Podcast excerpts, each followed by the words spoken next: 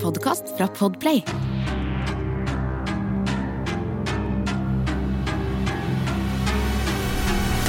Hei og velkommen til Forsvinningsfredag podkast. Denne saken kan være veldig skremmende og triggende for enkelte lyttere, fordi den inneholder prat om seksuelle overgrep og kidnapping. Så dersom du er eh, yngre eller sensitiv, så vil jeg anbefale deg å enten lytte til episoden med en voksen du stoler på, eller skru av.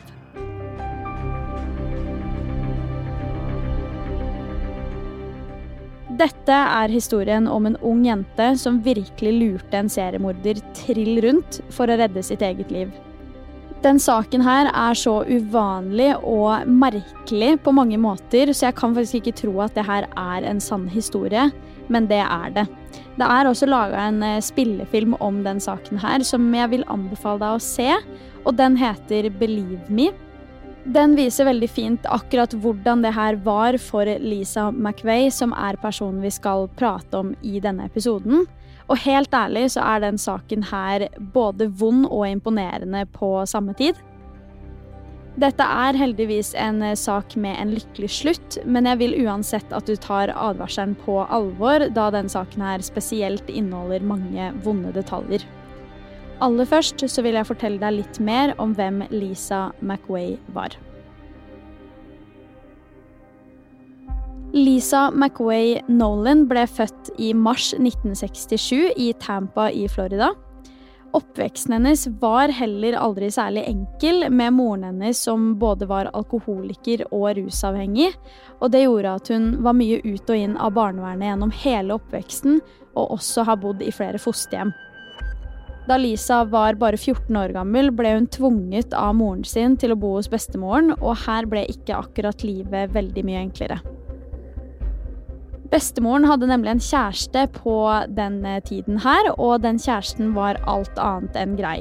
Fra Lisa flytta inn der og til hun var sånn 17 år gammel, så utsatte han henne for seksuelle overgrep og vold utrolig, utrolig mange ganger og bestemoren gjorde heller ingenting med det, selv om hun var helt klar over det.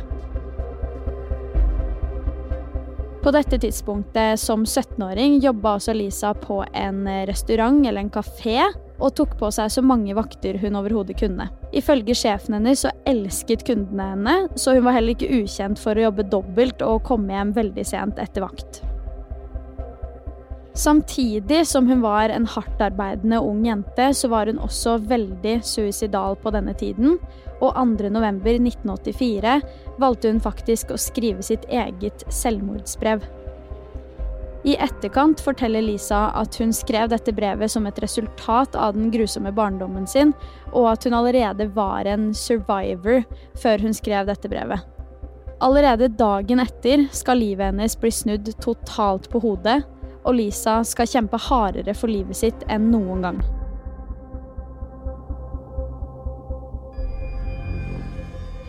November 1984 er Lisa McWay ferdig på jobb etter å ha jobba et dobbeltskift. Hun sykla alltid til og fra jobb, så hun satte seg på sykkelen og var på vei hjem da klokka var ca. to på natta. Bestemoren hadde da forventa hun hjemme rundt halv tre, absolutt senest tre, men Lisa dukket aldri opp. Det her var også veldig uvanlig for Lisa, ettersom hun alltid kom rett hjem etter jobb. Lisa hadde også de siste dagene sett en bil i nærområdet rundt jobben og på veien hjem, og til slutt så er det også denne bilen som skal være et symbol på den livsomveltende situasjonen hun snart skal bli putta i. På vei hjem fra jobb i de tidlige nattestimene 3.11.1984 blir Lisa nemlig overfalt av en fremmed mann som har pistol med seg. Han truer 17 år gamle Lisa med denne og beordrer hun inn i bilen hans. Her blir hun holdt fast og får et bind for øynene. Det er ikke snakk om at Lisa skal se hvor hun er, eller hvor hun skal, ei heller hvem kidnapperen er. Lisa bestemmer seg ganske raskt for å ta inn absolutt alle inntrykk hun kan. Klarer hun å legge merke til en liten detalj som kan hjelpe henne senere, så plukker hun den opp og plasserer den i det mentale arkivet sitt. Hun telte trappetrinn om hun gikk i trapper, prøvde å huske navn på ting hun kunne se fra under øyebindet. Faktisk så klarer hun å fange opp at det på innsiden av bilen de kjører, står Magnum, som hun skjønte at var navnet på bilmodellen. Dette var en Dodge Magnum. Dette arkiverte hun mentalt ettersom hun skjønte veldig tidlig at hun var i fare. Lisa blir videre tatt med til huset til kidnapperen sin. Her blir hun utsatt for seksuelle overgrep gjentatte ganger, så mange ganger at hun til slutt mister tellinga. Lisa hadde opplevd dette med misbruk før, så hun forteller at hun nå kun var opptatt av å komme seg ut av dette i live. Lisa spurte også kidnapperen hvorfor han gjorde dette mot henne, og da hadde han svart at han eh, gjorde dette for å ta igjen på andre jenter som et resultat av bruddet med ekskona si. Lisa forsøkte da umiddelbart å komme inn i hodet på han og sa at hun kunne være kjæresten hans. Hun prøvde alt hun kunne for å få ham på godsida og vinne tilliten hans, og dette fikk hun også etter hvert til. Kanskje ville han snart la hun gå? Lisa blir underveis straffa dersom hun ikke gjør alt til punkt og prikke, som han sier. Under et av de tilfellene her så ender Lisa opp med å bli helt panisk og dikter opp en historie om at faren hennes er kjempesyk, og at hun er den eneste han har. Hun forteller at om ikke hun tar vare på han, så er det ingen som gjør det, og dette later til å treffe et punkt i kidnapperen, og det neste som skjer, er nesten ikke til å tro engang. Etter alt dette tar kidnapperen med seg Lisa i bilen. Første stopp er en bensinstasjon, og her biter Lisa seg selv i fingeren når kidnapperen er ute av bilen.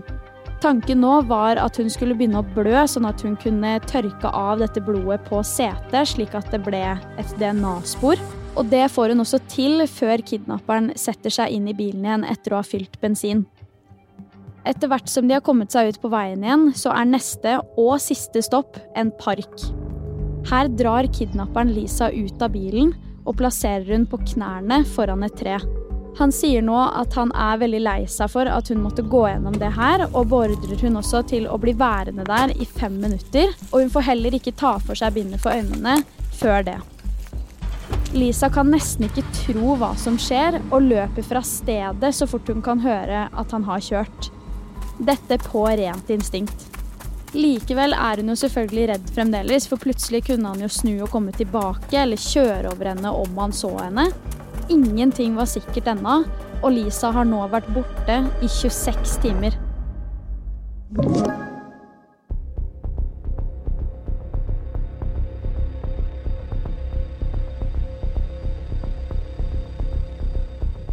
Etter hvert får Lisa løpt hjem til bestemoren sin og kjæresten hennes.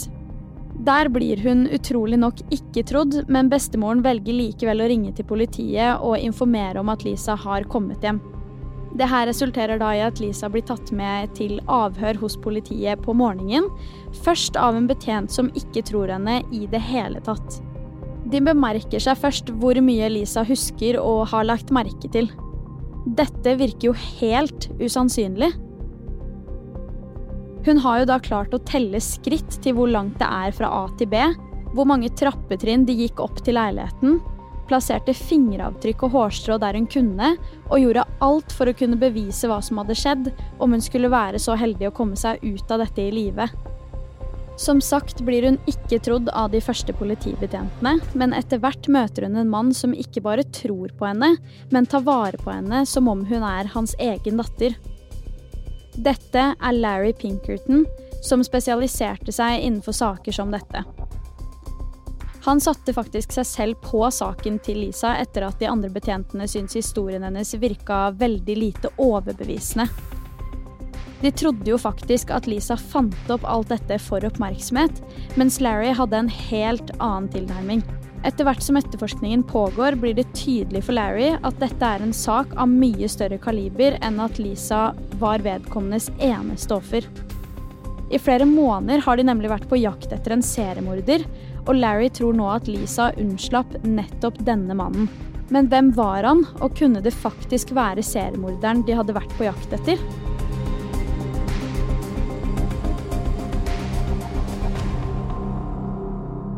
Politiet har nå samlet inn all informasjonen Lisa kunne gi dem, bl.a. dette med at hun hadde sett denne Magnum-skriften på innsiden av bilen hun ble kjørt i. De er nå på søken etter mennesker med denne typen bil, og fotograferer hver og en av de, for å senere la Lisa peke ut hvem den skyldige var. Og nå kommer vi til en del jeg syns er utrolig, utrolig fascinerende. For Lisa har jo ikke sett ansiktet til kidnapperen sin, men utrolig nok har hun klart å danne seg en idé av hvordan han så ut, selv med dette bindet for øynene. Det var nemlig under et tilfelle i løpet av dette oppholdet at Lisa fikk lov til å kjenne seg rundt og ta på ansiktet til kidnapperen. På bakgrunn av det her så klarer Lisa til slutt å peke ut en mann ved navn Robert Joe Long. La oss snakke litt mer om han. Robert Joe Long ble født 14.10.1953 i Canova i West Virginia. Faktisk ble han født med et ekstra X-kromosom som resulterte i at han fikk Kleinfelter syndrom, som rett og slett er en hormonforstyrrelse hos gutter, hvor de i korte trekk produserer for mye østrogen kontra testosteron. I enkelte tilfeller kan denne forstyrrelsen gjøre at gutter som er rammet av det, får flere kvinnelige trekk, og noen kan f.eks. utvikle bryster. Dette var tilfellet for Robert, og i ung alder var dette noe han ble mobbet for av de andre på skolen, så i ungdomsårene utførte han dermed en brystreduksjon. Ellers hadde Robert også et veldig unormalt forhold til moren sin. Han sov i samme seng som henne frem til han var et godt stykke opp i tenåra, og angivelig hata han også kjærestene moren hans hadde opp gjennom åra. I 1974 gifter Robert seg med kjæresten han hadde fra videregående. De to ender opp med å få to barn sammen, før hun søker om skilsmisse i 1980. Dette faller ikke i god jord hos Robert, og det er i løpet av de neste årene at vendepunktet hans kommer, i negativ forstand. I 1983 flytter Robert til Tampa Bay i Florida, og året etter blir hele livet hans snudd på hodet. I mars 1984 har Robert Joe Long sitt aller første offer. Dette er 20 år gamle artist Ann Wick. Denne uskyldige jenta ble utsatt for seksuelt overgrep og deretter drept av Robert. Han dumper liket hennes på et skjult sted, og faktisk blir ikke liket hennes funnet før i november samme år. I løpet av det neste halvåret skal Robert ha tatt livet av og forgrepet seg på minst ti uskyldige kvinner. Fem av disse var registrerte sexarbeidere eller prostituerte, og to av dem jobba som det de kaller eksotisk danser. De resterende kvinnene var en fabrikkarbeider og en student, mens den siste har ukjent utdanning og jobb. Det som skjedde med Lisa, var helt ut av det vanlige, og hadde det ikke vært for at hun hadde en liten etterforskerspire i seg, så hadde kanskje utfallet vært helt annerledes. Lisa McWay var med på å løse ikke bare sin egen kriminalsak, men også få rettferdighet for de i hvert fall ti andre ofrene som fantes der ute. Etter at de klarte å ta kidnapperen til Lisa, klarte de nemlig også å matche DNA-et til Robert med DNA-et de hadde funnet på de andre likene. I rettssaken er det da selvfølgelig ingen tvil om skyldspørsmålet. Robert Joe Long blir dømt til dødsstraff for drapet på ti kvinner og for kidnappingen og overgrepene på Lisa McWay. I mai 2019 blir Robert Joe Long henrettet etter 34 år på death row. Den saken her sjokkerer jo fremdeles, og det som er veldig sjokkerende når det kommer til akkurat denne henrettelsen, og som jeg aldri har hørt om før, er at Lisa faktisk ønsket å være til stede under henrettelsen av Robert. Dette ønsket fikk hun innvilget, og dette er det hun hadde å si dagen før henrettelsen. Yeah, there's forgiveness, okay? But there's also a price to pay for that forgiveness. His time is coming, and he knows it. And ironically, he's very scared. It's about time. I'm hoping to get a full night's sleep without any eruptions. I have not slept since 1984. I dag jobber Lisa McWay Nolan på samme politistasjon som hjalp henne i saken hennes, nemlig Hillsborough County Sheriff's Office. Hun spesialiserer seg nå innenfor sexforbrytelser og ønsker å hjelpe barn og unge til å skjønne hvordan man skal håndtere krisesituasjoner, og også forebygge slik at færre havner i samme situasjon som det hun gjorde selv. Hvis du eller noen du kjenner har blitt utsatt for overgrep eller har hatt selvmordstanker eller lignende, kan du ringe Mental Helse sin hjelpetelefon på 116 123, eller chatte med de på sidemedord.no. Du har hørt Forsvinningsfredag podkast med meg, Sara Høydahl. Og dersom du har lyst til å høre om flere kriminalsaker, så kan du sjekke meg ut på YouTube, der jeg heter Sara Høydahl. Og uansett så kommer det en helt ny Forsvinningsfredag podkast-episode neste fredag. Og i mellomtiden, ta vare på deg selv.